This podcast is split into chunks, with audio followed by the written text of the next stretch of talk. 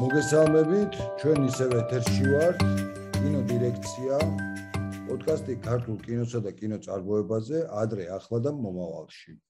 რომელსაც ტრადიციულად წავიყვანთ, გოჩა ჯურჯოლიანი და კოდე ჩლაიცი. დღეს ჩვენი საუბრის თემა იქნება საქართველოს კინემატოგრაფიის ეროვნული ცენტრი და მის ირგვლივ განვითარებული მოვლენები. ხო, კინოცენტრში ვინც არიცით, გეტყვით, რომ რაღაცა დიდი პერეტრუბაციები მიმდინარეობს. გაათავისუფლეს კინოცენტრის დირექტორი, რომელსაც ერთი თვე ჰქონდა დარჩენილი თავისი ვადი სამწლიანი ვადის ამოწურვამდე.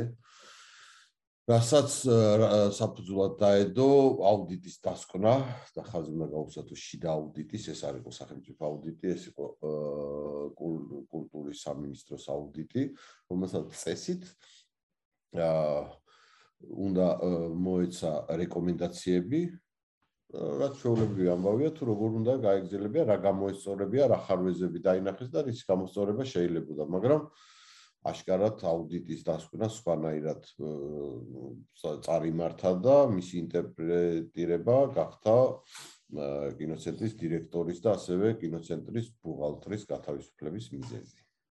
შეგახსენებთ რომ 2000 პირველ წელს შეიქმნა კინოცენტრი. მისი მთავარი მიზანი არის ქართული კინემატოგრაფიის სახელმწიფო ხარდაჭერის უზრუნველყოფა, სწორი კოორდინაცია და საქმიანობის წარმართვა ამ სფეროში. 20 წელი არსებობს ეს ინსტიტუტი და საკმაოდ დიდი გამოსილება დაუგროვდა იქ მომუშავე ადამიანებს და მასთან ჩართული იყოს კინემატოგრაფისტების ფართო წრე. მოდი ისიც აღნიშნოთ, ხო, კინოცენტრი გახდა 20 წლის აუცილებელია უკვე რაღაცების გადაფასება, იმიტომ რომ 20 წელი საკმაოდ დიდი დრო არის იმისთვის, რომ რაღაცების ცვლილებების გადაფასების დრო ნამდვილად მოსულია და ზუსტად ამას ამ ჭრილში უნდა წარმართულიყო დისკუსია ჩემი აზრით, ფართო ფენებში კინემატოგრაფისტების, მაგრამ აი ამ რაღაცა გაუთავებელმა დაძაბულობამ და აი ამ რაღაცა ზეწოლებმა ეს მეორე პლანზე გადაწია ეს ყველაფერი და მოხდა ის რაც მოხდა, თუმცა ეს უკვე შემდგარი ფაქტია და ალბათ ეხლა უნდა გავაანალიზოთ რა რა მოლოდინები გვაქვს და რა იქნება შემდგომში. აქვე ვიტყვი რომ მეც და გოჩას მე დღემდე მუშაობ უკვე 15 წელიწადზე მეტია მუშაობ კინოცენტრში სხვადასხვა პოზიციებზე. ხუმრობ კიდევაც ერთადერთი მწოლად არ მიმუშავია, იმიტომ რომ მანქანის მართვა არ ვიცით, რომ ალბათ მწოლადაც მიმუშავებდი. და ხო, ერთი პერიოდი დირექტორიც ვიყავი მე და გოჩა იყო კინოცენტრის დირექტორის მოადგილე, მაშინ ერთად მუშაობდით ჩვენ და ამიტომაც გვაქვს რაღაცნაირად შეიძლება ვიღაცას ჩვენი პოდკასტის სათაურზეც კონდეს რომ ესენი ვინ არიანო კინო დირექციას რო ეძახიან თავის თავსო.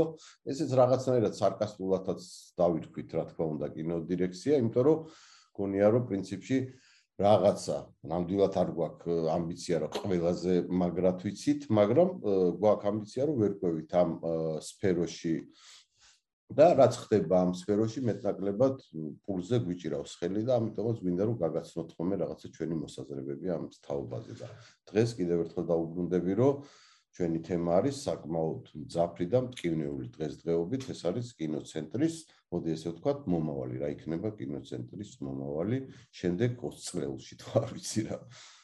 აკვე მინდა დაუმატო რომ პირველ რიგში ჩვენი პოდკასტის იდეა და ჩვენი პოდკასტის საუბრები გამპირობებულია იმით, რომ ჩვენ თვითონ გვაინტერესებს რა ხდება, რა მიმდინარე პროცესებია, ჩვენ არ გვაქვს პრეტენზია რომ რა არის სწორი, რა არის მართალი, რა არის მართებულად, ან ცუდად რა გაკეთდა, ჩვენ გვინდა უბრალოდ წნარად შვიდად მოусვინოთ ადამიანებს და ადამიანებმა, ვინც ამ სფეროთი დაინტერესებულია, რაღაცერად ერთმანეთი აზრები გაუცხადოთ. დღეს ამ თემებზე სასაუბროდ მოვიწვიეთ კინო დოკუმენტალისტი ვანო არსენიშვილი და მოусვინოთ მას.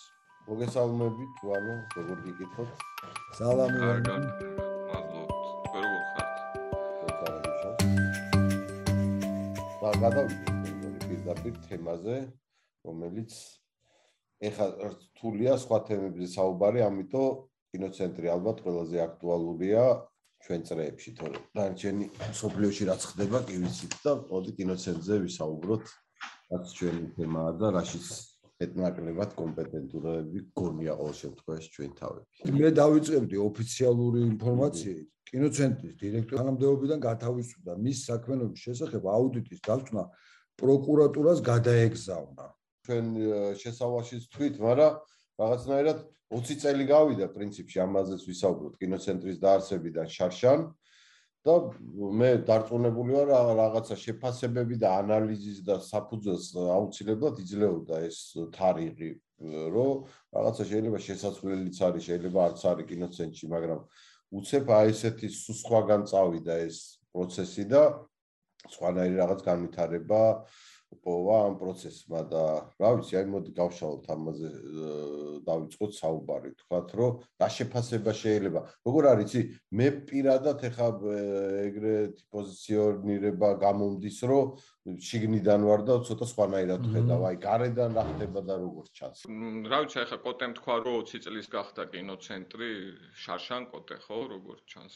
ხო და მე როგორც გარედან მე მოვაწერე ხელი წერილს, სადაც გარკვეულწილად ვითხოვდით ახსნას, რატომ მოხდა ასე და რატომ მაგალითად გაგაჩხეიძე გაანთავისუფლეს ერთი თვით ადრე, ხო? და თან ასეთი ფორმულირებით, რომ ფაქტიურად კინოცენტრის აუდიტის დასკვნა გადაეგზავნა პროკურატურას, რაც მიუთითებს რაღაც ისეთ დანაშაულებზე ყოველ შემთხვევაში.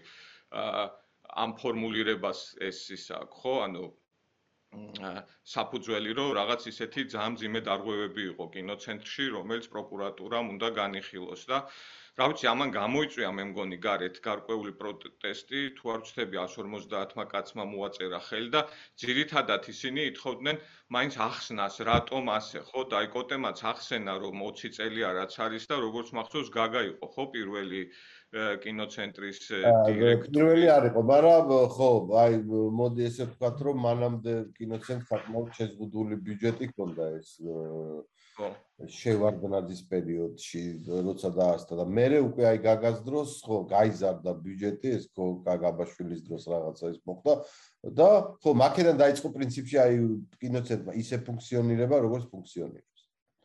ხო და ანუ გარკვეულწილად ნუ თუ სათავეებთან იდგა და თავისი წვლილი შეიტანა ხო ამ ორგანიზაციის ჩამოყალიბებაში ასეთი პასუხი მისთვის 20 წლის შემდეგ ცოტა ის იყო ხო უცნაური. და ასე ნუ გამოიწვია ამ პროტესტი. იმ ხალხ შორის ვინც კინოცენტრის გარეთ არის. ხო ჩვენ რეალურად ეს კინომწარმოებლები ვინც ვართ ანუ ვართ გარკვეულწილად ფრილანსერები ხო ყველანი. ანუ ჩვენ არანაირი კავშირი არ აქვს კინოცენტრთან გვაქვს კავშირი როცა გვაქვს პროექტები და როცა მოდივართ კინოცენტრში თქვა საკუთარი პროექტით და გვაქვს იმედი რომ დაფინანსებას მივიღებთ. მაგრამ გარკვეულწილად იყო ეს მოსალოდნელი იმ ხრივ რომ თვითონ ამ მინისტრის ხისტი ქმედებები ადრეც ჩანდა ხო სხვა სამინისტროებში და თქვა დათხოვილი თანამშრომლები სასამართლოებსაც იგებენ, მე მგონი დღემდე რომ გათავისუფლდნენ თუნდაც იუსტიციის სახლიდან არასწორად, ხო? ანუ და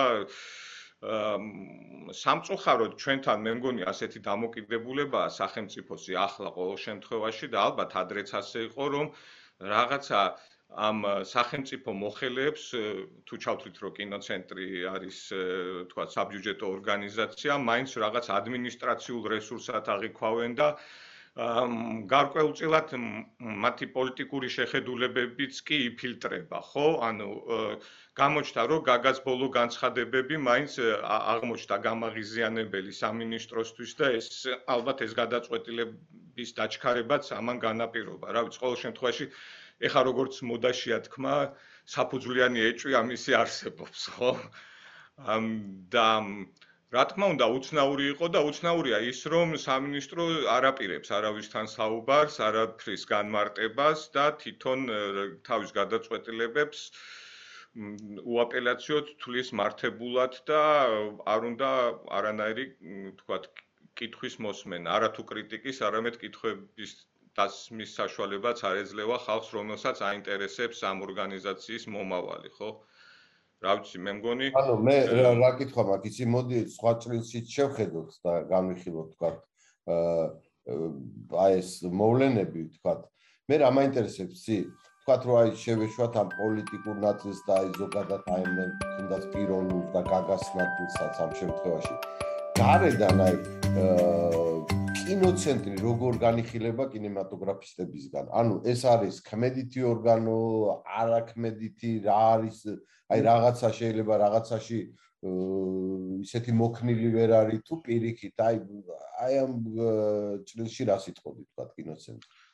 ხო, რა ვიცი, მე გამიჭirdება თქვა ასე განზოგადოება თქვა ხვები რას ფიქრობენ, მაგრამ ჩემი გამოცდილებით ძალიან დადებითი გამოცდილება მაქვს კინოცენტრთან იმ ხრი რომ მე არ მქონია სხვა სახელმწიფო ორგანიზაციებთან ასეთი ურთიერთობა მართლა რო გითხრა ეს ერთადერთი არის ალბათ კინოცენტრი რა ვიცი შეიძლება მივსულარ იუსტიციის სახში პასპორტის გამოსაცვლელად და იქაც ყმაყოფილი ვარ როგორც გამომიცვალეს მაგრამ ის აა ჩემთვის რა არსებობდა გარკვეული ტიპის ღიაობა კინოცენტრში? ეს კონკურსების ჩატარების სქემა მისაღები იყო იმ ხრივ რომ მე თვითონაც ყოფილვარ კომისიის წევრი და სხვა კომისიებიც როცა მე შემქონდა პროექტი მინახავს როგორც მსჯელობს და საინტერესო იყო ყოველთვის ის რომ აქ იყო მრავალფეროვნება ხო ამ კანდიდატ ამ კომისიის წევრებს შორის, რაც გარკვეულწილად გამორიცხავდა რაღაცა მიკერძოებას, იმიტომ რომ თქვათ, არ შეიძლება მართლა როგორი კარგი გემოვნებისაც არ უნდა იყოს ადამიანი, ერთი ადამიანის გადაწყვეტილებას თქვათ ვერ მიიღებს რა რა გამოვა კარგი ფილმი და რა გამოვა ცუდი ფილმი. და ზუსტად ეს გუნდი თქვათ კომისიის ხშირად რომელიც რომლის გემოვნებას განსხვავდებოდა ერთმანეთისაგან, ზუსტად განაპირობებდა იმას, რომ მეტნაკლებად მე მგონი სწორ გადაწყვეტილებებს იღებ და შეიძლება ცდებოდა კიდევაც ხო ზოგ შემთხვევაში. და მაგრამ თვითონ ეს პროცესი როგორც იყო აწყობილი და რა სახის ურთიერთობაც მქონდა მე როგორც თქვათ რეჟისორს ამ კინოცენტრთან ჩემთვის დამაკმაყოფილებელი იყო, იმიტომ რომ არც მეტი მჭirdებოდა მისგან და არც ნაკლები. ანუ ჩემი ამოცანა იყო, რომ ჩემი პროექტი მომეტანა, თქვათ, განეხილა კომისიას და თუ ჩათვლიდა ზოგჯერ თვლიდა, რომ საინტერესო პროექტია და გვაფინანსებდა, რამოდენიმეჯერ თვლიდა, რომ არ იყო საინტერესო და არ დაგვაფინანსა. მაგრამ არ ვიცი, უკეთეს თქვათ უკეთეს როგორ უნდა ემუშავა კინოცეთს უკეთესად? მე პირადად ბევრი მიფიქრია თქო ამაზე ვერ გეტყვით მაგრამ არ ვიცი. აა უბრალოდ რა თქმა უნდა არის კანონმდებლობაში რაღაცა თქვათ კანონები ისეთი რომელიც გარკვეულწილად აფერხებს ამ კინოსექტორის განვითარებას თქვათ არის რაღაცა მუხლები რომელიც შეიძლება შეიცვალოს და თქვათ რაღაცა შეხვედრები თუ იყო კინოცენტრთან ჩვენთან თქვათ მე მქონდა ხოლმე ეს ჩემი რამოდენიმე მაგალითი რა რისი გაუნჯობესება შეიძლება და რაც რეალურად მიმაჩნია რომ მნიშვნელოვანია, მაგრამ მეორე მხრივ ამას უდგები როგორც მართლა სუბსიდიას და სახელმწიფოს დახმარებას და იმას თავისი წესები რო აქვს მესმის. უბრალოდ ამ წესების შეცვლა თუ შეიძლება ძალიან გაადვილებდა თქვათ წარმოებლის მდგომარეობას, ხო? მაგალითად პირველი რაც მომდის ხოლმე თავში სულ რომ ეს რახან საბჯუდეტო თანხაა და იმავე წელს უნდა დაიხარჯოს და ხარჯები ყოველ შემთხვევაში უნდა აჩვენო იმავე წლის ბოლოს ფაქტიურად ძალიან ხელი შემშლელია თუნდაც დოკუმენტალისტებისთვის იმიტომ რომ ძალიან რთულია შენ ისე დაიწყო პროექტის განხორციელება და მით უმეტეს თუ ეს არის შენი პირველი თანხა რომელიც მიიღე ხო რომ თქვა, რომ მე წარმოებას დავიწყებ და დავამთავრებ ამ წლის ბოლოს, როცა დოკუმენტურ ფილმში თქვენ კარგად იცით, რომ ძალიან ბევრი შეიძლება შიდაცვლილებები იყოს ისეთი და არ გამვითარდეს ისტორია ისე როგორც დაგეგმილი გაქვს, ხო? ფაქტიურად წარმოუდგენელია, თუმცა მესმის რომ სხვანაირად ჯერჯერობით ამის გაკეთება არ შეიძლება და ეს რა თქმა უნდა იწვევს გარკვეულწილად რაღაცა პრობლემებს, იმიტომ რომ წინასწარგი იწევს რაღაცა თქვა ხელშეკრულებების გაფორმება, თქვა მე მონტაჟესთან, რომელმაც შეიძლება ეს ფილმი დაამონტაჟოს 3 წლის შემდეგ და ფულის გადახდაც გიწევს იმავე წელს და მე მოტივაცია ექნება თუ არა 3 წლის შემდეგ. შენ ფილმზე რომ მოვა, რომ როცა უკვე ის ანაზღაურება დახარჯული აქვს, აი ესეთ პრობლემები აქვს.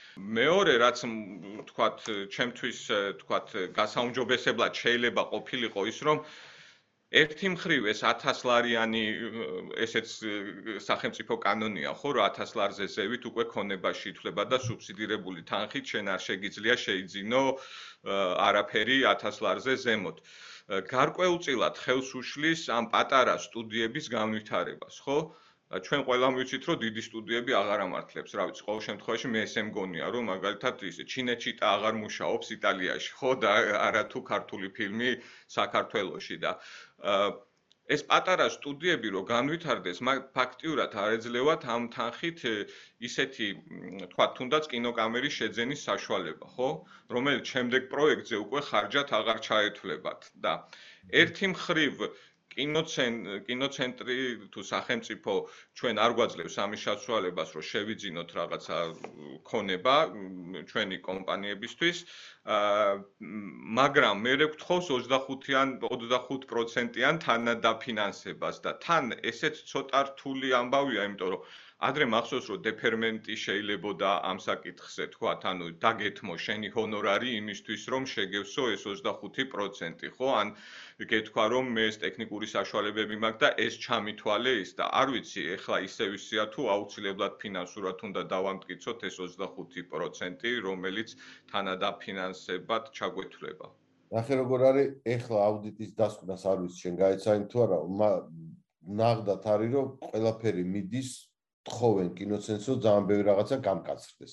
არ ვიცი, სადღაც, სადღაც გულის სიღრმეში რაღაცეებზე ნამდვილად ვეთახმები, რაღაცები ყველაზე ნაკლებად ესე გეხებათ სხვათაშორის დოკუმენტალისტებს, იმიტომ რომ მართლა ძალიან რთული გასასაზღვრია რაღაცები, მაგრამ ხატრულ ფილმებს მე ზოგადად ფიქრობ, რომ ამ აუდიტის დასკვნას, რომელიც ძალიან დიდ ნაწილს არ ვეთახმები, რაღაცებში რაცშიც ვეთახმები, ზოგადად არის რომ ჩვენი პროდიუსერები ცოდავენ.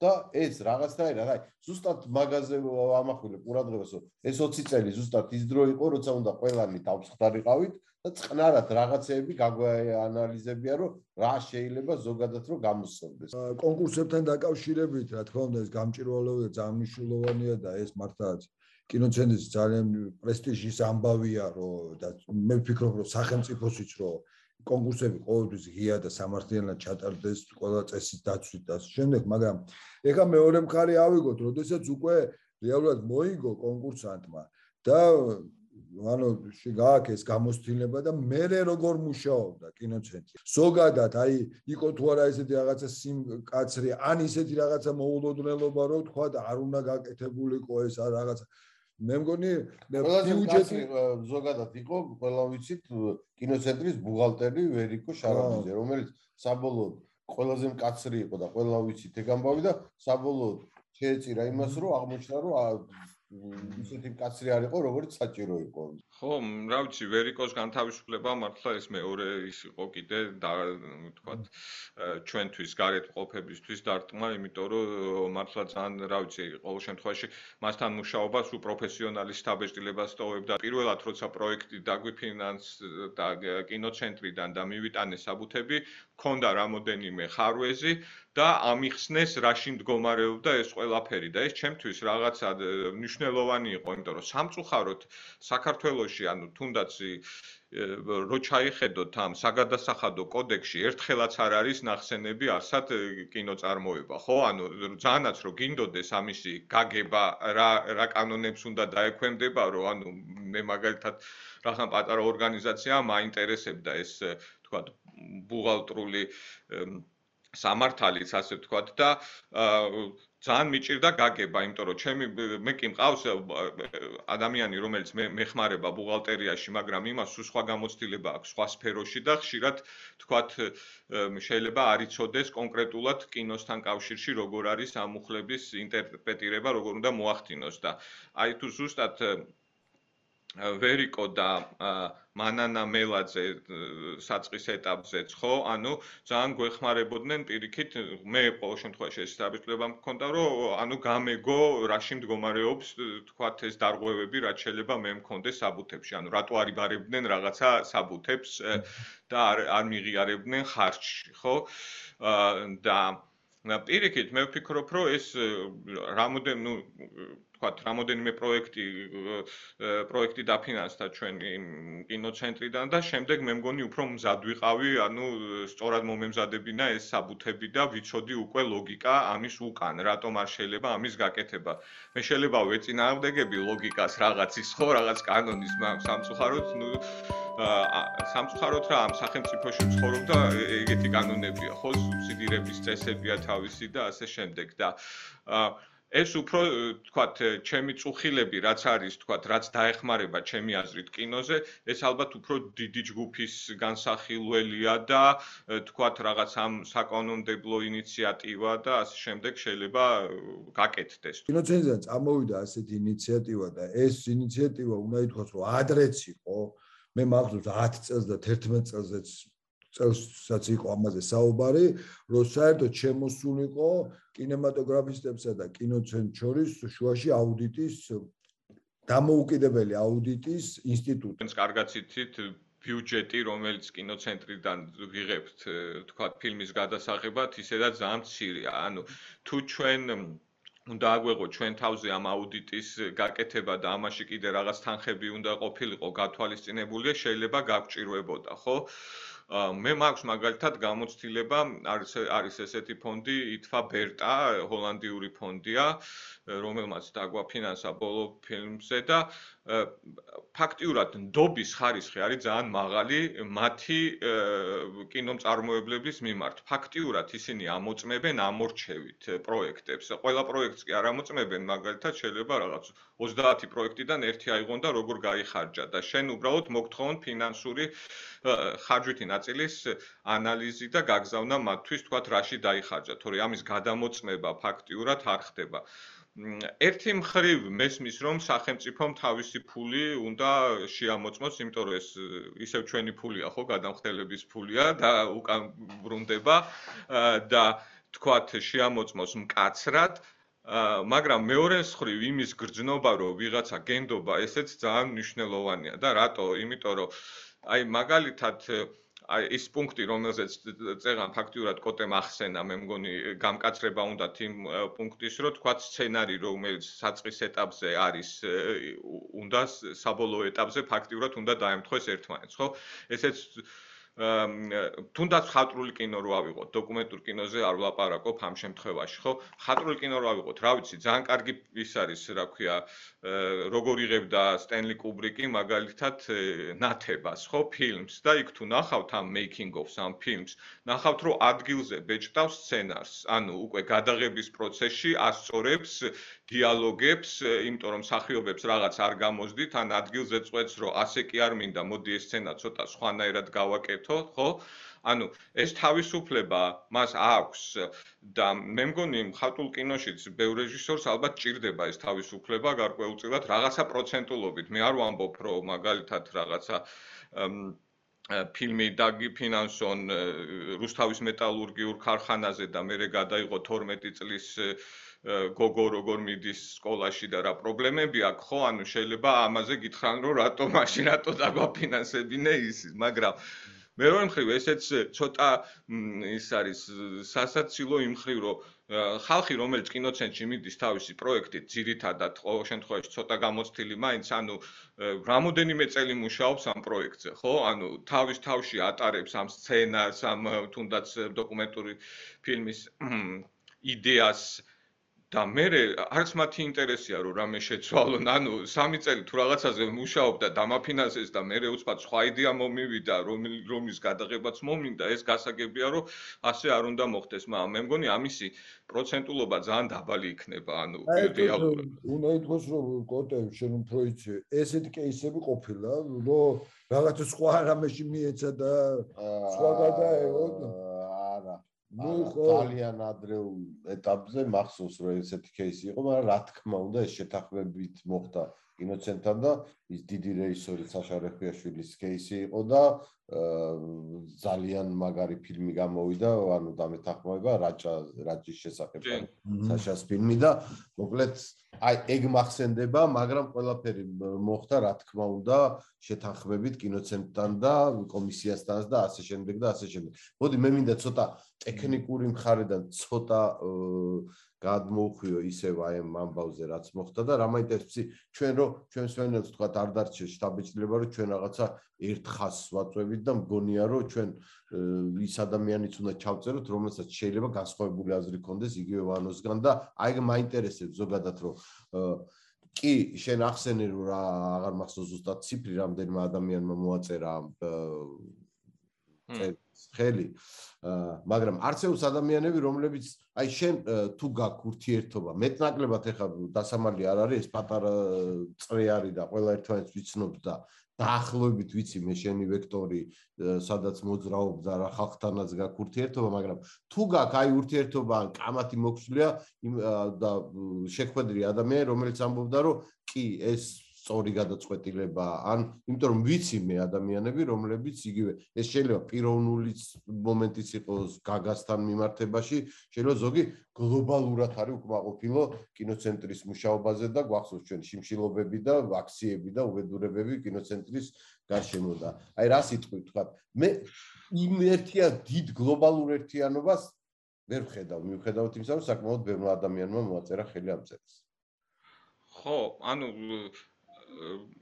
კი არიან რა თქმა უნდა ეხლა მეც ხვდება ასე კონკრეტულად კამათი არ მქონია მაგრამ Facebook-ზე თუნდაც რაღაც პოსტები მხვდება ჩემი თქვათ კოლეგების მეგობრების რომლებიც სხვა აზრზე არიან ხო? ანუ ამ ამ კონკრეტულ ფაქტთან თუნდაც ხო მეგობრების ნაკლებად მაგრამ ნუ კოლეგების ნამდვილად ხვდება ხო და იცი რა არის მე მგონი მთავარი ჩემი თქვათ ასე თუ შეიძლება იყოს პასუხი ანუ ჩემთვის კინოცენტრის აი ზუსტად პლუსი ის იყო რომ არ აღიქმებოდა ბოლომდე როგორც სახელმწიფო დანაყოფი ასე ვთქვათ რა ანუ და არ იყო ეს სახელმწიფო პოლიტიკის გამტარებელი ასე ვთქვათ კონკრეტულად შემოქმედ ხალხზე ხო?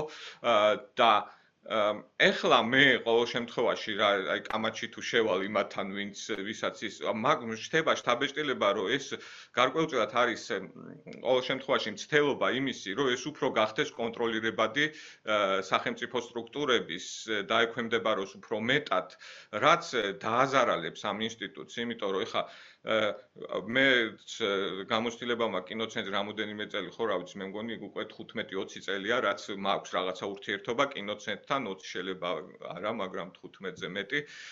და არაზრუს არ მქონია იმისი განცდა რომ თქვათ რომელიმეღაცა ხელისუფლების ინსტიტუტში მივდივარ და თქვათ კი იყო რაღაცა ის ელემენტები ხო მინიმალური რომელსაც ხვდებოდი რომ თქვათ შეიძლება ეს დირექტორი უფრო იმისკენ არის ეს ამისკენ არის თქვათ სიტყვაზე ვამბობ მაგრამ ეს მე პირადად არ შემხებია ანუ და ეს ჩემ პრობლემა არ არის იმიტომ რომ თუ გავითვალისწინებთ იმას, რომ სახელმწიფოში უნდა არსებობდეს ეს ადმინისტრაციული რესურსიც და სახელმწიფო მოხელეს ინსტიტუტი, ხო?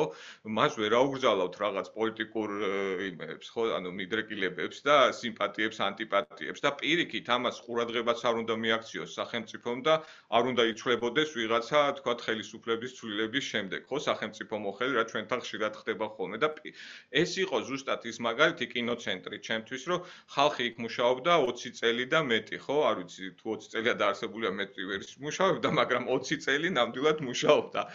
ხო და აა გარკვეულწილად ეს გვაძლევდა იმის საშუალებას, რომ ჩვენც ყოფილიყავით უფრო თამამები თქვენთან ურთიერთობაში კინოცენტრთან, იმიტომ რომ ვიცოდით, რომ თქვა ჩვენი რაღაცა შეხედულება არ იქნება გადაწყვეტილების კრიტერიუმი, ანუ კინოცენტრის გადაწყვეტილების კრიტერიუმი ჩვენი პოლიტიკური თუნდაც. მაგასთან დაკავშირებით უბრალოდ მე მინდა ისე კანონის მოზე მივიდეთ, სადაც ანუ კანონში პირდაპირ წერია, რომ კინოცენტრი თავის საქმიანობით განსაზღვრავს სახელმწიფო პოლიტიკას კინოს სფეროში. ანუ უბრალოდ აქ იმაზეა ლაპარაკი, რომ ეს სახელმწიფო პოლიტიკას ყველა ვარიანტში კინოცენტრი განსაზღვრავს. ეს სახელმწიფო პოლიტიკა არ იყოს რაღაცა პროპაგანდის აგიტაციის და ასე ვთქვათ რაღაცა თავზე მოხვეული ფასეულობების თუ რაღაცნაირად გამოგონილი იმების გამტარი, ასე ვთქვათ, ამაზეა ხო ლაპარაკი. იმიტომ რომ როგორ გამოდის, რომ ამ ორგანიზაციის მიმართ ყოველას თავისი ინტერესი აქვს, ხო? თქვა, სახელმწიფოს ინტერესი აქვს, რომ გარდა იმისა, რომ ფული თანაბრად და სამართლიანად გადანაწილდეს, ანუ რაღაცნაირად ეს იყოს უფრო ლიბერალური, ანუ უფრო იყოს რაღაცა მიმართულებით წასული, ხო? თქვა, შეიძლება ეს უცხოეთზე ორიენტირებული იყოს, შეიძლება შიდა ბაზარზე ორიენტირებული იყოს. თვითონ მოქალაქესაც ინტერესი აქვს, რომ ეს ხო რაღაცა ასე ვთქვათ, გადასახადებით ფინანსდება, ხო? მოქალაქესაც ინტერესი აქვს, რომ მოდი ესე ვთქვათ, რომ ქართული ფილმი, ქართული კინოები შექმნილი ბოლო წლებში სამწუხაროდ იმ პოპულარობით არ სარგებლობს, რა პოპულარობის ინერციაც რაღაცა გამოსვლების გვაქვს დაგროვებული. ხო, ეგ ისეთი საკითხია. ხო, საკამათო არის კინემატოგრაფისტების ინტერესი, რომ მაქსიმალურად ასე მოქრილები იყვნენ, ხიები იყვნენ და თან წვდომაც ქონდეთ იმ რესურსებს, როცა შეძლებენ რაღაცა პროდუქციის გაკეთებას ისეთი სრულფასოვანი. ანუ ეს ბევრი ინტერესები არის ერთმანეთზე თითქოს გადახოვული და გადაჯაჭული და უბრალოდ მაგითკენ მიყავს რომ სახელმწიფო როდესაც აი სტრატეგიულ დონეზე მე ამ შემთხვევაში რაღაცა სტრატეგიულ დონეზე თქვა იქნება სამინისტროს ხელმძღვანელობა და თქვა ესე რომ დავეშვათ ეხლა ტაქტიკურ დონეზე თქვა რაღაცნაირად ესე დიდი სტრატეგია რომ საერთოდ მივდივართ და ან არ მივდივართ ვაპირებთ ამ წასვლას და ტაქტიკურ დონეზე რაღაცნაირად ვერ ხდება ამ კომუნიკაციის დამყარება, ხო? ამ რაღაც ინსტიტუტების მხრიდან ამ ამით პროცესიც არ უნდა დაზარალდეს და არ უნდა დაზარალდეს ამ შემთხვევაში არც მაყურებელი და არც კინემატოგრაფისტი. აი დღეს ამ კონფლიქტს ხო არ ვხედავთ ჩვენ რეალურად არსებობს რაღაცა დიდი სტრატეგიული გეგმა, რაღაცა ხედვა და მაგრამ არსებობს სად არის ხედვა? ხო, აი ეგ არის რომ ხედვა რო არსებობდეს, რაღაცა შეიძლება იმ ხედვას დაეთანხმო ან არ დაეთანხმო და გასაგები მაინც არის. ეხლა პრობლემა ჩემი აზრით იმაშია, რომ ჩვენ აზრზე არა ვართ რა რა რა ხედვა არის. ან უკმაყოფილო თუ არიან, რითი არიან უკმაყოფილო?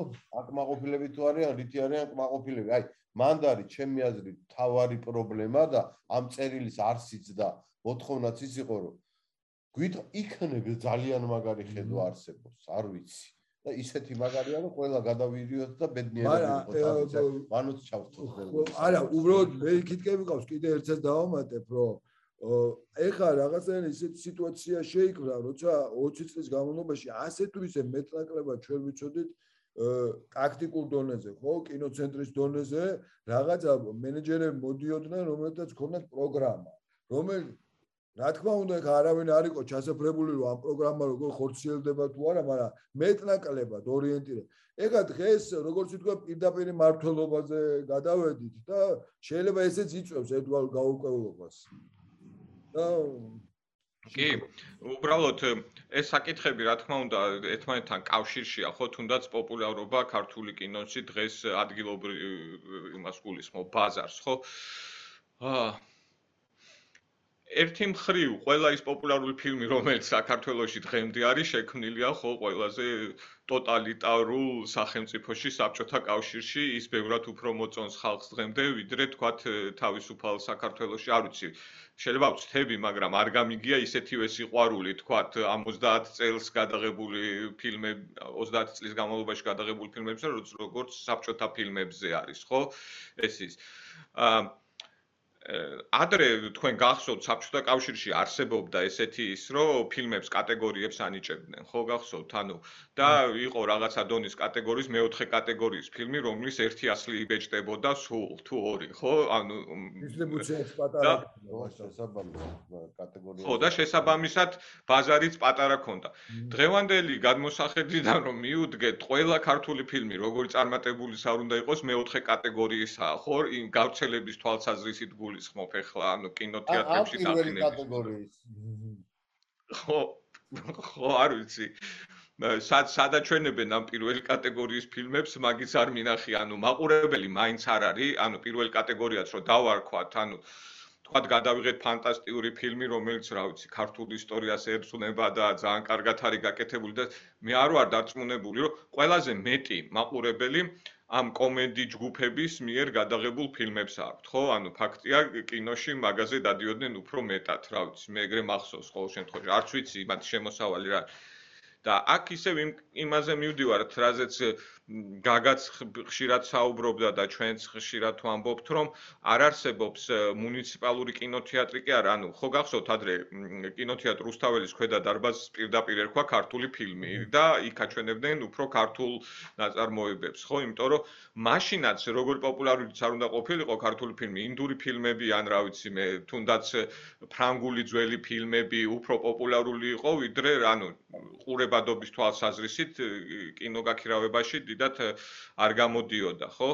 არ ვიცი, რა ვიცი, გოჩა გახსოვს, როდის მე ოთარიოსელიანის ფილმებზე რიგები იდგან ხალხი იმას, რა ქვია, დადიოდა კინოში.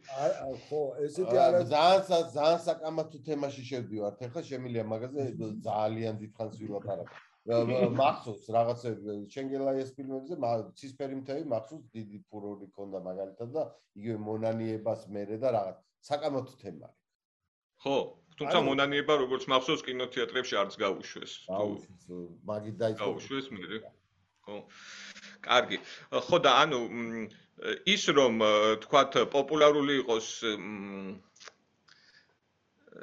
თქვათ ადგილობრივ ბაზარზე და თქვათ რატომ არის რომ კინოს თქვათ ძალიან ბევრი კინოს უფრო უცხოურ ეკრანებზე ნახავთ ქართულს და თუნდაც უცხოურ სტრიმინგ სერვერებზე და არა ქართულ სტრიმინგ სერვერებზე ხო? მე მგონი ესეც ის არის საკვლევია იმ ხრივ რომ რა თქმა უნდა რაღაცა არის დაკავშირებული ფინანსებთან, მაგალითად Netflix-ი რასაც გადაგიხდის იმას თუნდაც, რა ვიცი, საზოგადოებრივი მაუწყებელი არადროს არ გადაიხდის ეგ მაგთან ხას. და როცა უკვე მზა პროდუქტი გაქვს, შენ უკვე ფიქრობ, თქვათ, რატომ უნდა მივცე ვიღაცას უფასოდ, ხო რაღაც, ანუ რამდენი მიმუშავია და რა თქმა უნდა ეძებს ხალხი, თქვათ, რაღაცა გარკვეული სახის შემოსავალს. და აა ისიც არის რომ არ ვიცი ხა ჩვენი კინოცენტრს თუ მიუდგებით კინოცენტრი არ არის კომერციული ფილმების დასაფინანსებელი ორგანიზაცია. ხო ანუ კომერციული ფილმები ალბათ ისედაც ამოიღებენ თავის თანხას თუ კომერციული არის რა ვიცი და დაფინანსებასაც მოიპოვებენ. აქ არის ავტორო კინოზე საუბარი და ძალიან ცოტა დრო არის მე მგონი გასული ამ ჩვენს რეალობაში რომ უკვე ყავდეს რაღაცა ძალიან დიდი დონის ვარსკვლავები, რომელიც ასე ვთქვათ, პირდაპირ დავაფინანსებ და გვეცოდინება, რომ წარმატებული ფილმი იქნება როგორც უცხოეთში, ისე ადგილობრივ ბაზრისთვის, ხო? და იმისგან განსხვავებით ალბათ საბჭოთა კავშირისგან განსხვავებით ძალიან პატარა ქვეყანა იმისთვის თუნდაც რომ ვარსკვლავი გააკეთოს. ანუ იქ ძალიან მარტივად კეთდება ანუ ასე ვთქვათ star systems-ი სხვა ქონდა საბჭოთა კავშირს ვიდრე საქართველოს დღეს აქვს. მე ესე ვხედავ არ ვიცი რომ მეინსტრიმულ კინოსაც რა თქმა უნდა ჩემი აზრით დრო არის რომ 20 წელი გავიდა და რაღაცნაირად ვიფიქროთ როგორ როგორ ნამდვილად არ მაქვს რეცეპტი უბრალოდ ამას ჭირდება ბევრად მეტი კინოცენტრს, აი ხა ამდენი წელია ხო იქა არ აქვს უბრალოდ ლავირების იმდენად ცოტა ფულია, რომ ლავირების საშუალება არ აქვს. აი მე მაგალითად რავი, აი წლებია ხოლმე რომ ჩვენ ვერ ვაფინანსებთ ორ და სამ ფილმზე მეც და აი წლებია შემოდის ძალიან საინტერესო სცენარები, რომელიც მე-4, მე-5, მე-6 ადგილზე გადიან და მართლა ძალიან საინტერესო პროექტები არიან და ისინი ვერასოდეს ვერ ფინანსდები. ერთ რიტორიკული შეკითხვა მაქვს, რომელიც რა თქმა უნდა ვიცი შენი პასუხი, მაგრამ აი ნახე როგორი ჩემი შეიძლება ეს ოპტიმისტური ხედვა არის, სულაც და ბევრად შეიძლება პესიმისტურადაც უდათ არის საქმე, მაგრამ აი შეიძლება ეგეთ ერთადერთ ლოგიკას შეიძლება ვხედავ ახლა რაც ხდება კინოზე, უცებ კინოცენტრს გაუზარდონ არ ვიცი. ორჯერ, სამჯერ ბიუჯეტი. მაგრამ ეს ბიუჯეტი გახდეს უფრო მართვადი ვიდრე აქამდე იყო. აი, მან რომელი ჯობს, ცოტა ფული და სრული თავისუფლება თუ ბევრი ფული და მეტანაკლები თავისუფლება? ამ აი, ცი თუ სწორად მიგიხვდი, ანუ კონტროლში რაც გულისხმობ, ანუ მაგალითად დოკუმენტურ კინოში არსებობს ძალიან ბევრი მიმდინარეობები, ხო? ჩვენ ძირითადად აქ ვინც თქვათ ვაკეთებთ ეხლა ყოველ შემთხვევაში გარეთ, არა არა ტელევიზიაში, არამედ ვცდილობთ საკუთარი სტუდიები გქონდეს, მაინც ავტორო ფილმებს ვაკეთებთ, ხო? მაგალითად დოკუმენტურ კინოში თუ მეტი ფული ჩაიდო და თქვათ რაღაცა პროექტები სახელმწიფო მაკონტროლა და რა ვიცი, სამეცნიერო პოპულარული ფილმები დააფინანსა ის, ანუ ეს ჩემი ინტერესი შეიძლება არ იყოს, მაგრამ შეიძლება საჭიროა, მე არ ვიცი, ანუ მე მაგალითად არ ვარ დიდი მოყვარული ან არც Discovery Channel-ის და არც History Channel-ის და ან უფრო მირჩევნია ისეთი ფილმების როგორც მაყურებელს ისეთი ფილმების ყურება, სადაც იგრძნობა ავტორი უკან და სადაც საინტერესო ფორმაა და ანუ შინაარსაც უყურებ ხოლმე ზოგჯერ ეხა რაღაცა რომ დამაინტერესებს ამ ბოლო დროს მაგალითად ამ უკრაინის გამო უკრაინის ისტორიაზე ძალიან მაინტერესებს ფილმები მაინც ვნახო ან წავიკითხო რომ გავერკვა და რა თქმა უნდა არსებობს ეს ნიშა თუმცა პირველ არხს მე მგონი აქვს რაღაცა დოკუმენტური ფილმების სტუდია რომელიც მიმართულია ასე თუ ისე ხო გოჩა ამისკენ რომ ფორმე და აღარ არის ძირითადად გარეთ გატანილ მუშაობს მაგრამ სამეცნიერო რა თქმა უნდა მაგ მიმართულებით მუშაობს და აკეთებს და თავის მაყურებელს. ასე ვთქვათ ზოგად ქრონიკებს საარქივო საფონდო ჩანაწერები კეთდება და მოვლენებიც ასე თუ ისე იგება კი არსებობს ხო დაკვეთები შეიძლება რედაქციის სახით რო ესეთი შეკვეთების სახით. ტელევიზიას დიდი ხანია უკვე გადავიდა გარე ფრილანსერებთან მუშაობაზე როგორც აუთსორსი აუთსორსე ხო და ესე გაცილებით უფრო ადვილია კარგიც არის და იქ ჩვენ კანონში მაუწყებლობის შესახებ პირდაპირ წერია რომ 25% მინიმუმ უნდა იყოს გარეთ გატანილი და მაგხრივ ბევრი პროექტი მე ვხდები ვანო საით მიყავს რომ მაკეტ უნდა იყოს უფრო ეგ არა მე სხვა რამეს დავამატებ ერთ რაღაცას რომ აი დაკვეთით შეიძლება ფილმი გააკეთო არ არის პრობლემა მაგრამ ეს თუ სახელმწიფო დაკვეთაა უკვე რაღაც კითხვებს აჩენს ანუ ჩემთვის ყოველ შემთხვევაში. მე მაგალითად მაქვს ხოლმე იცით ყველამ რომ თქვათ არ არის დოკუმენტალისტიკა ისეთი შემოსავლიანი სფერო რომ აი დოკუმენტალისტი ვარ და ვცხოვრობ ამით. ხო ანუ ბევრ რაღაცა სხვა ამბებსაც ვაკეთებთ და გვაქვს ხოლმე შეკვეთები რაღაც სოციალურ ვიდეოებზე თქვათ სოციალურ რეკლამებზე მე მაგალითად ნუ რეკლამები არ მიყვარს და იმიტომ არ მაინტერესებს, თორე ვიღაცები არიან სტუდიები, ვინც რეკლამებსაც აკეთებენ, ხო?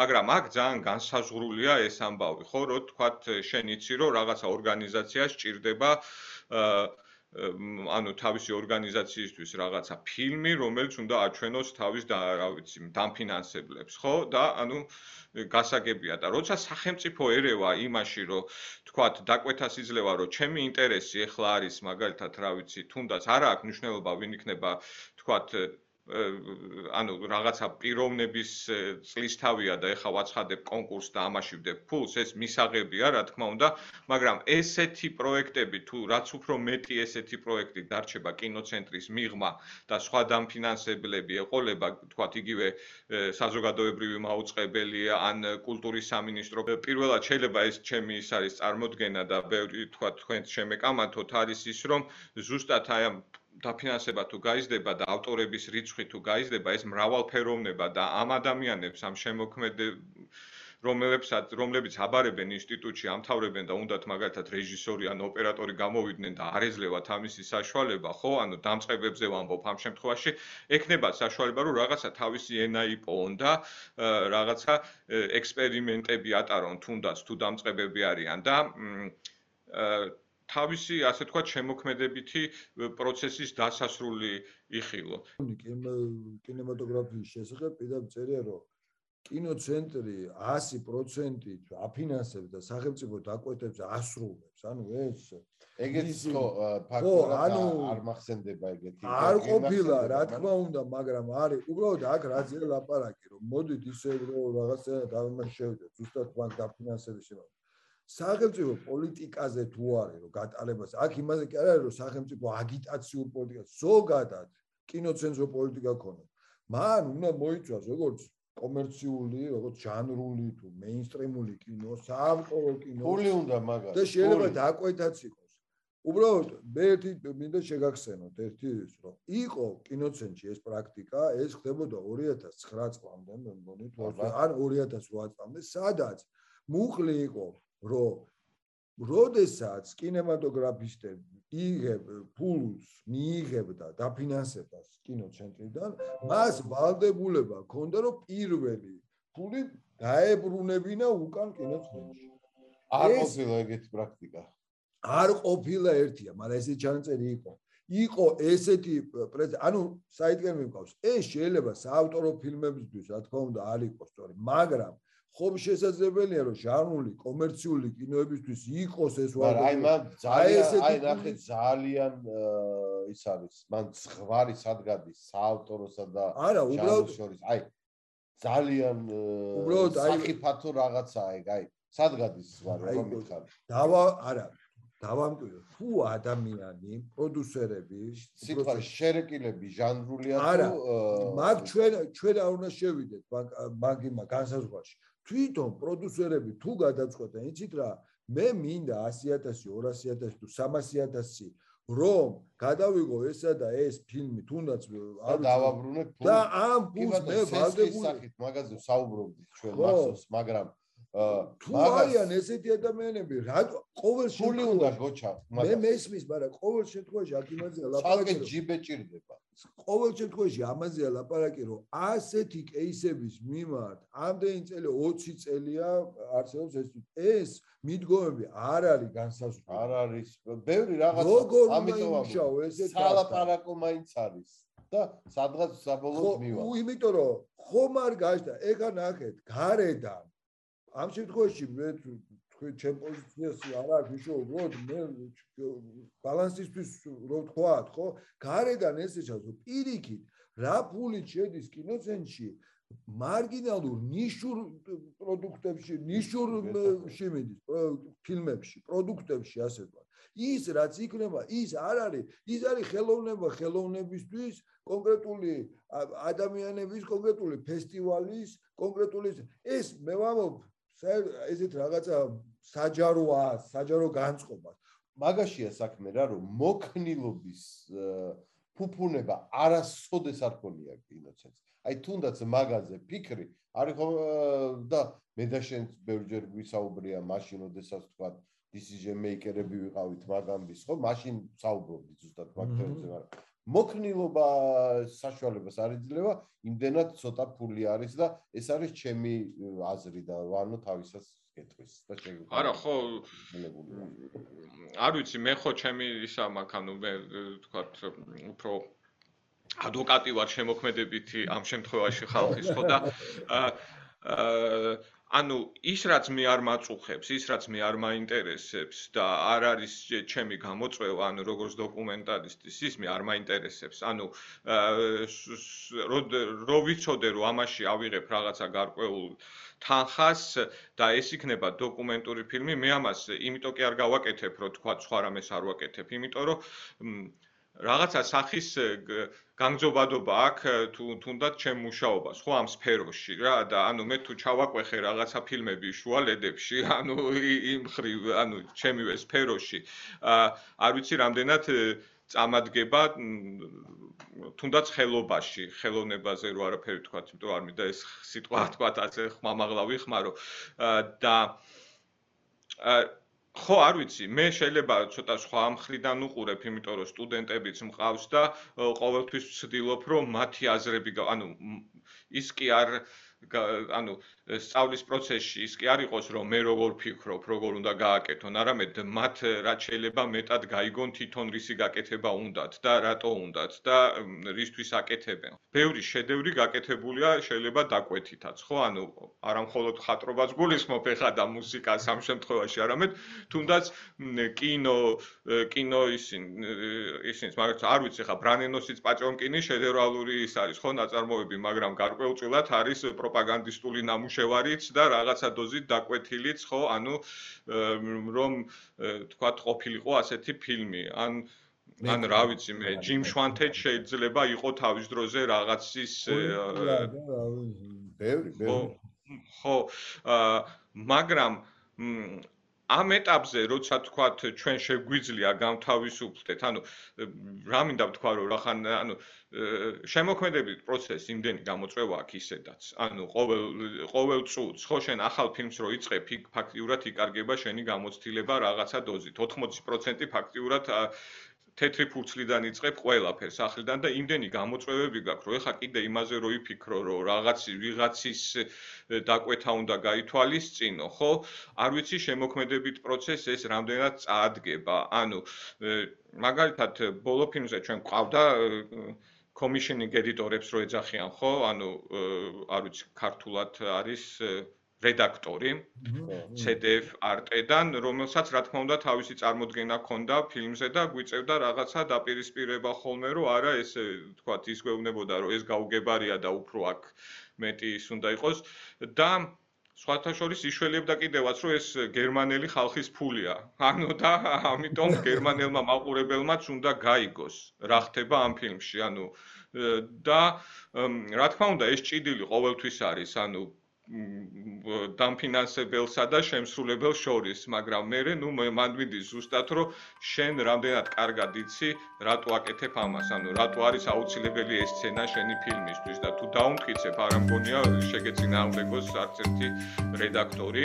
თუ მიხვდება რომ ეს მართლა მნიშვნელოვანია. შეიძლება მთლად ვერ გაიგოს 100%-ით გერმანელმა მაყურებელმა მაგრამ რაღაცა განწყობას მაინც დაინახავს ამ სცენაში ხო? და მაგიტომ ვამბობ რომ ეს მაშინ სხვა პროექტებია ანუ სხვა მხრივ ვამბობ ხა კინოცენტრი აცხადებდა ხოლმე ყოველთვის რაღაცა კონკრეტულ თემატიკაზე, ანუ რა ვიცი, მე მგონი ექვთიმე თაყაიშვილზე იყო ამ 1-5-6 წლის წინ რაღაცა პროექტი, ხო? ანუ იმიტომ კი არა რომ ექვთიმე თაყაიშვილი თქვათ არ მაინტერესებს როგორც პიროვნება ან არ არის საინტერესო ადამიანი და არ შეიძლება მასზე კარგი დოკუმენტურის გადაღება, მაგრამ იმ მომენტში იმ შემოქმედებით მომენტში, როცა შენ ხარ, შეიძლება საერთოდ სხვა ინტერესი გქონდეს, ანუ არ იყო მიმართული იმისკენ, რომ დახარჯო 2-3 წელი იმაზე და უფრო მეტად გაწუხებდეს კონკრეტულად დღევანდელი რაღაცა პრობლემა, ხო? ვიდრე რაღაც ისტორიული ფიგურის კარგი პორტრეტის გაკეთება და ხო რა ვიცი, ამასაც ეყოლება თავისი ავტორები, აქეთაც იქნებიან ეს ავტორები და ფული თუ მეტი იქნება, ესეც იქნებიან ისინიც და რაც უფრო მეტი მრავალფეროვნება იქნება, მით უფრო კარგი იქნება კარტულ კინოსთვის. თანხის გაზდა რა თქმა უნდა ხელშეუწყობს კინოპროცესის უფრო სწრაფად განვითარებას, ეხა ეს ფაქტია. მეინსტრიმზე როგორ როცა ვლაპარაკობთ, ცოტა ხო ისე ქართული მეინსტრიმი ისე ჟღერს ეგეც არტჰაუსია ხო ფაქტიურად სოფლიო კინოსთვის, იმიტომ რომ ანუ აქ იმ მილიონობით შემოსავალზე მაინც ვერ იქნება საუბარი და ამოღებაზე, იმიტომ რომ რა ვიცი, ეს ეს ეს ხო ფაქტია ჩვენი, რომ ჩვენ გვაქვს რამდენი კინო, არ ვიცი, ეხა გაიზარდა ეკრანები, მაგრამ თქვა გვაქვს 30 ეკრანი, ხო? და კომერციულ კინო პირველ დღეს გადის 5000 ეკრანზე, ხო? ანუ სიტყვაზე ამერიკაში თუ დიდი გაქირავებაში გადის, გადის პირველივე დღეს ამოიღებს იმდენ ფულს, რაც ჩვენთან ერთი წელი რო იტრიალოს და სუსავსე რო იყოს დარბაზები, მაგდენს ვერ ამოიღებს და ამიტომ ეს მეინსტრიმული კინოც ცოტა განსაცვალ არ არ ვიცი, მაგალითად აი თქვათ მოგზაურობა ყარაბაღში იყო ალბათ ერთ-ერთი კარგი მაგალითი, ხო? დასაწყისში ალბათ ამ კინოწარმოების, რომელმაც ალბათ ამოიღო თავისი ფული, თუმცა თუ არ ჩავთვლით, რომ ავტორები კინოთეატრს ფლობდნენ, ხო? ორი, მაგრამ მაშინ სულ ორი ეკრანი იყო თუ სამი და ამოიღო. ხო, არ ვიცი, მაგრამ ყველაზე პოპულარული, ასე თქვა, დამოუკიდებელ საქართველოსში რაც გაკეთებულა, ალბათ ეგ ფილმი არ ვიცი, ანუ მე ანუ მანდარინები. მანდარინები და ხო, მე კიდე რა, ჩემი ცოლის დაკალის ქორწილი. ჩემი აზრით მაგასთან დაკავშირებით უნდა გითხრათ, რომ ეხლა რაღაცა ისე გამომდის, ათეთიურად, მაგრამ რაღაცაა, როცა სისტემა მუშაობს კარგად, ეს არავის არ აწუხებს. იმიტომ რომ ეს ჰაერივით არის და იცი რომ ეს მუშაობს. მაგრამ როდესაც სისტემა არასწორად მუშაობს და რაღაც აწყდებია ესეთ პრობლემებს, უკვე შეიძლება ფიქრობ ამ სისტემაში მოხვედრილი რომ როგორ გამოასწორო, ესე ხო არ ჯობია, ისე ხო არ ჯობია. აქ ამაზეა ლაპარაკი. და ამას გულისტკივილით ვამბობ, ეხლა შეიძლება მე და იმით რომ რაღაცა კუთხით დარგი ინდუსტრია გაიზარდა, მოთხოვნების საზოგადოების გაიზარდა.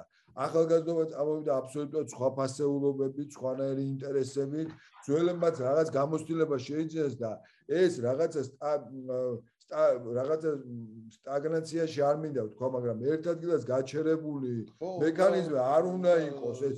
ეს უფრო მოქნილი უნდა იყოს და თან არის ეხა უნდა გავითვალისწინოთ სოფლიო იცვლება ამ კუთხით რომ პლატფორმები შემოდის ინტერნეტი რომელიც ცვლის საერთოდ ყველაფერს თავდაყირა აყენებს და რა იქნება ის მაგაზეც რაღაცნაირად მორგება ჭირდება, მაგრამ მოკლედ საუბარი პროდუქტებიც გაშთა. ხო, ანუ გაშთა ნიშური პროდუქტი, გაშთა კინო ახალგაზრდებისთვის, პატარებისთვის, დიდებისთვის, რაღაცა მოაზროვნე ადამიანებს აბსოლუტურად მიმართულები გაშთა ისეთი, სადაც ყველა თავისი აუდიტორიას პოულობს, ხო, ყველას თავისი კომუნიკაციის და დისტრიბუციის არხები აქვს.